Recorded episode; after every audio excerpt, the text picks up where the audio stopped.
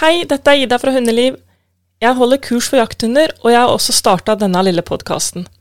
Jeg ønsker å inspirere og hjelpe alle jakthundeiere å få til hundene sine. Derfor har jeg laga en kursportal på nett hvor du kan få hjelp til riktig innlæring. Fram til nå har over 2000 hundeeiere fått hjelp, og nå kan du bli en av de. Gå inn på hundeliv.no for å finne ut mer. I Et hundeliv, denne podkasten, skal jeg lære bort alle mine hemmeligheter og løse ut treningsknuter som dere, mine lyttere og kursdeltakere, sender meg. Hjertelig velkommen. Nå starter episoden.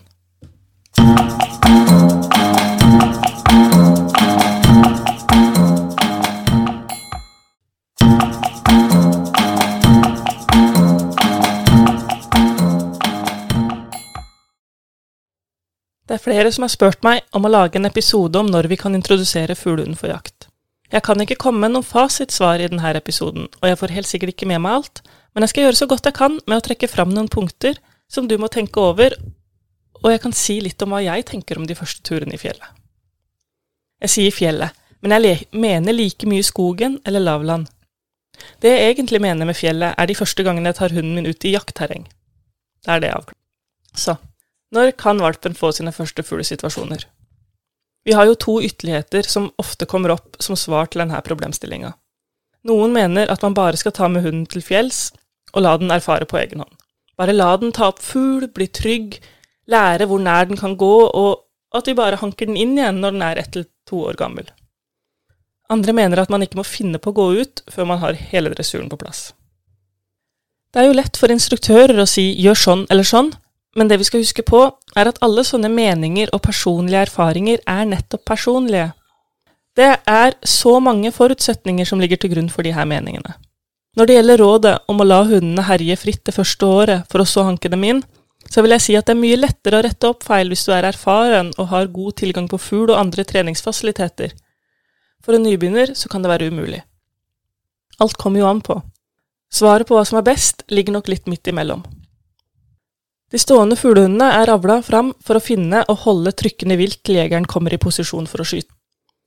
Hundene bruker overvær og gjennomsøker terrenget i god bredde foran jegeren, og når hunden finner fugl, så skal den stivne i det som vi kaller stand, og peke med nesen mot der fuglen er. Da kan jegeren komme seg i posisjon for å skyte mens hunden holder standen. På jegerens signal ja, tar hunden sats og løper mot fuglen sånn at den skremmes opp og tar til vingene sånn at jegeren får skutt den. Men for at hunden ikke skal ødelegge skuddmuligheter, så skal hunden være i ro når fuglen har letta. Og hvis fuglen blir felt, så skal hunden sendes for å apportere den skutte fuglen. Det er hit vi vil. Men det her er en krevende atferdskjede, og man skal ikke ha for mye hastverk i starten. Helt personlig liker jeg å ha litt dressur på plass. Da tenker jeg særlig på at vi har etablert en god relasjon, at innkalling fungerer, og at valpen skjønner grunnleggende ferdigheter for avstandsbelønninger, og at jeg har lært valpen å endre fokus. Når jeg trener inn dette uten avværsgiver, så trenger ikke jeg være redd for at hunden skal dra med seg negative følelser inn i treninga.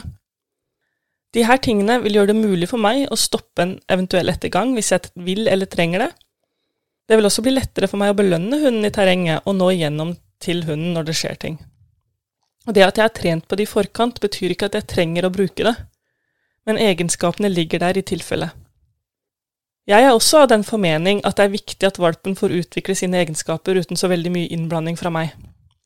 Jeg blander meg egentlig bare inn hvis det skjer noe som er veldig farlig, eller hvis valpen gjør noe som er direkte feil og ødeleggende for vårt mål, som eksempel hemningsløst jage fugl over alle fjell. At den jager litt i starten, det er fint og nødvendig for at hunden skal bli trygg i fugl, men det er selvfølgelig nyanser, men det her er utgangspunktet mitt. Jeg liker ikke langliner. Jeg syns det er vanskelig å bruke en langline uten å få uheldige episoder hvor den napper i hunden.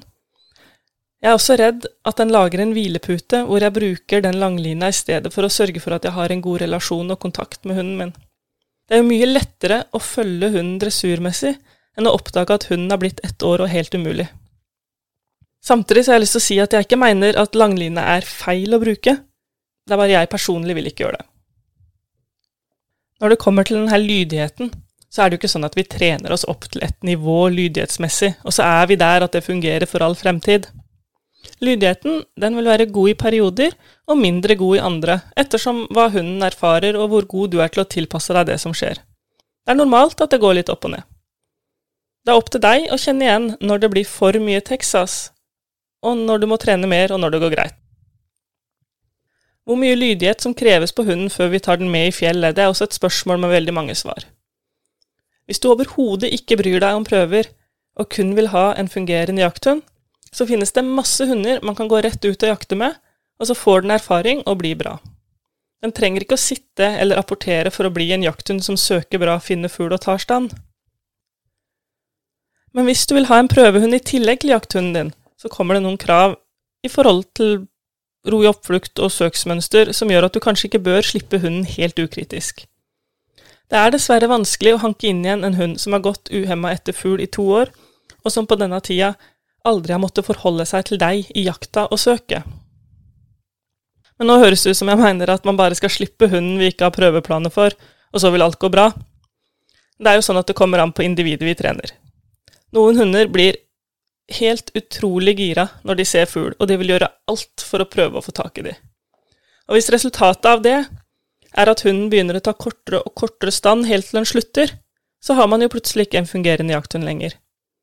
Da er det kanskje lurt å trene litt kontakt, samarbeid, sitte og innkalling. Deretter så må du jo se på hvor mye lydighet som kreves der du vil ta med hunden din. På fjellet, hvor du har god oversikt og det ikke er så veldig mye annet enn rype å finne, så trenger du kanskje mindre lydighet enn i skogen, hvor du har mindre sikt, og det også finnes rådyr og hare. Noen er jo heldige og har fine lavlandsterreng hvor vi også må ta hensyn til gårdseiendommer, frittgående høner, produksjonsdyr, katter og tettere grenser, for ikke å snakke om ofte høyere vilttetthet. Hvis en ung hund får veldig mange situasjoner på rappen, så vil det på et eller annet tidspunkt koke over. Du bør ha lydigheten på plass, sånn at du kan stoppe hunden fra å krenke andre sin eiendom, spise andre sine dyr og bli med hjem før den koker helt over. Det er også sånn at de tre underlagene har ulike krav til søksmønster og kontakt. Ulike steder har ulike forutsetninger, og derfor følger ulike krav. Det er ting du må tenke gjennom og ta stilling til før du tar med hunden. Hvis hunden din ikke har noen som helst erfaring i fugl, eller aldri har vært på fjellet fra før, så trenger du kanskje ikke bekymre deg for at den går så veldig stort. Og er det første gangen han skal bli med ut, så trenger du heller ikke bekymre deg for ettergang og sånne ting. Uansett hva som skjer i fugl i livets første situasjoner, så skal det være gøy og positivt, og da er det jo ikke så mye som trenger å være på plass for at dere skal kunne kose dere på tur. Hvordan hunden din er i starten, veit du jo heller ikke før du har prøvd, og det er ingen fare å gå ut en tur for å finne ut av det. De fem til 20 første fuglearbeidene, de krever lite. Det er jo ofte sånn i starten at vi bare er ute og går, og så løper hunden litt rundt. Den jakter på sommerfugler, biter av myrull, løper fram og tilbake uten noe særlig plan. Og så detter den over en fugl, eller et sted det har vært fugl, og så vokser valpen på de erfaringene.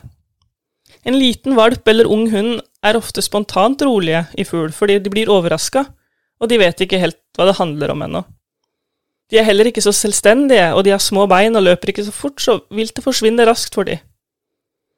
I denne fasen er det veldig lavterskel, og det skjer ikke så veldig mye galt. Men etter hvert så begynner hunden å søke mer planmessig. Etter hvert har den kanskje stand. Du kan se at den skjønner hva livet handler om, og helt fram til dette punktet så trenger du ikke så mye dressur, men hvis du har gjort ingenting fram til nå, så kan det bli litt kinkig hvis ikke du trener inn grunnleggende ferdigheter før du fortsetter, helt ettersom hva slags hund du har. Den videre treninga avgjøres jo av rasen du har og linjene den kommer fra. Selv om vi aldri kan forutse hva slags hund du får ut fra rase og linje, så kan vi anta noe. Hva er typisk for rasen og linjene din hund kommer fra? Hvor stort går de? Hvor sterkt viltbegjær har de? Hvor tidlig våkner de i fugl? Og hvor mye jagerlyst er det? Er de lettdresserte? Kanskje merker du, nå som hunden har funnet litt fugl, at det kanskje blir vanskeligere å få kontakt med den. Den blir generelt villere, høyere stressnivå, vil ikke spise godbiter og hører ikke lenger på innkalling sånn som før. Da bør du kanskje ta en pause fra fjellet og trene mer på innkalling sitt, veksle mellom belønninger og endre fokus. Hvis søksbredden begynner å bli større enn hva du kan kalle inn hunden fra, da må du gå hjem og trene. Kanskje hadde valpen en fin stand til å begynne med, men så blir den kortere og kortere helt til den ikke eksisterer lenger. Da bør du òg kanskje ta deg en liten pause fra fjellet og trene litt mer på innkalling og sitt, fordi dette problemet forsterkes av ettergangen, og for å få tilbake standen, så må du ta bort den forsterkeren. Kanskje valpen ikke tar stand i det hele tatt. Hvis den er veldig liten, så kan du vente litt og la den bli eldre før du prøver igjen, eller du kan bare fortsette å gå i fjellet og la det som skjer, skje.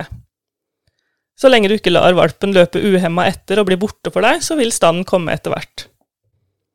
Du har jo kjøpt deg en stående fuglehund, og de står for fugl. Det kan være veldig frustrerende å ha en hund som støkker og støkker og støkker, og kanskje blir to og tre år før den tar skikkelig stand. Men de hundene blir ofte veldig bra. De tar sjelden tomstand, de tør å gå nære viltet, de har ofte bra reis og skaper veldig ofte enkle og gode jaktsituasjoner til jegeren sin. Så det er i alle fall en trøst hvis din hund skulle være sånn i starten. Unge hunder blir fort slitne, både i hodet og i kroppen. En sliten hund har større sjanse for å bli skada som følge av ukonsentrasjon eller muskeltretthet. En sliten hund er også vanskeligere å få kontakt med. Vi ønsker ikke å kjøre den unge hunden så langt ned at den får kjipe følelser rundt det å jakte. Så pass på å ha korte slipp, og hold valpen varm og tørr. Når det gjelder lengden på slippene, så tenker jeg at hvis hunden søker, så får den korte slipp på 10-15 minutter av gangen. Men hvis hunden ikke søker eller er veldig uselvstendig, så lar jeg den egentlig bare holde på og ignorerer den mest mulig, og prøver å få den i fugl for å motivere søket. En sånn hund ville jeg ikke gått med i timevis i fugletomme terreng. Hvis den bare er ung, så ville jeg ha venta, men hvis den er i rett alder, så ville jeg sørga for å komme meg et sted hvor det er fugl, sånn at den ikke blir fratatt for all motivasjon til å jakte og søke. Hvis ikke du har tilgang på gode fugleterreng, så kan du kjøpe deg lavlandstrening i Sverige eller Danmark. Søket er jo egentlig noe av det første vi bør prøve å få på plass, for det er veldig vanskelig å trene en fuglehund uten søk. Det er på en måte en av grunnferdighetene for jaktdelen. Tidlig på høsten trykker fuglen godt. I oktober og november er fuglene vanskeligere, og de letter ofte på langt hold. Hvis hunden har fått utviklet et godt søk, så er det en av tingene den må lære seg, men hvis den ikke har kommet så langt, så er det lurt å tenke på når du velger å trene hunden. For de mest uerfarne er den mest gunstige tiden tidlig høst fram til løvfallet, eller våren i mars-april. På vinteren så er de mindre lemmen og oftere et renere luktbilde, som kan være positivt for en ung hund, men pass deg når steggen begynner å erte på seinvåren. Om du begynner treninga på skog, fjell eller lavland, har ikke så veldig mye å si. Jeg veit godt noen foretrekker det ene eller det andre, og jeg veit også at noen sier at du aldri må begynne på skog, eller søket må skoleres på lavland først, eller fjell er det eneste som gjelder, for der har du best oversikt, osv. Men det er personlige preferanser. Det fins masse eksempler på at det går helt fint uansett hva du velger. Start med det du har. Det fins ingen fasitsvar her, og trening er bedre enn ingen trening. Selv liker jeg å ta en tur på lavland i Sverige eller Danmark når valpen er ca. fem måneder.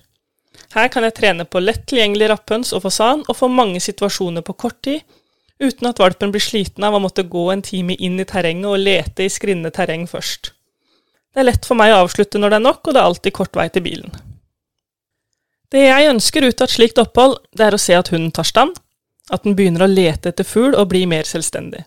Jeg lar valpen gå etter i fuglearbeidene opptil 30 meter før jeg snur den ved hjelp av innkalling. Jeg roser og klapper i oppflukten og er ikke så redd for en tjuvreise eller tre. Jeg vil at den skal få selvtillit i fugl, men jeg bruker innkallingen for å begrense ettergangene, så den ikke får for mye for belønning for akkurat det. Hvis den ikke løper etter, så er det bare ros og klapp. Etter en sånn trening så skjer det ofte veldig mye med valpen. Derfor så må jeg ofte ta opp igjen dressur, trening og øve mer på grunnferdigheter som innkalling, kontakt, endre fokus og belønninger før jeg drar til fjells eller skogen for de første ekte situasjonene. Det gjør jeg ved omtrent sju måneders alder, alt ettersom hvordan det passer med årstida. Mange lurer også på når de kan slippe hunden med makker. Hvis hunden din ikke har noen erfaring i fugl, og ikke søker selvstendig, så har det ikke så veldig mye for seg å slippe med makker. Da blir det fort bare leking og tull.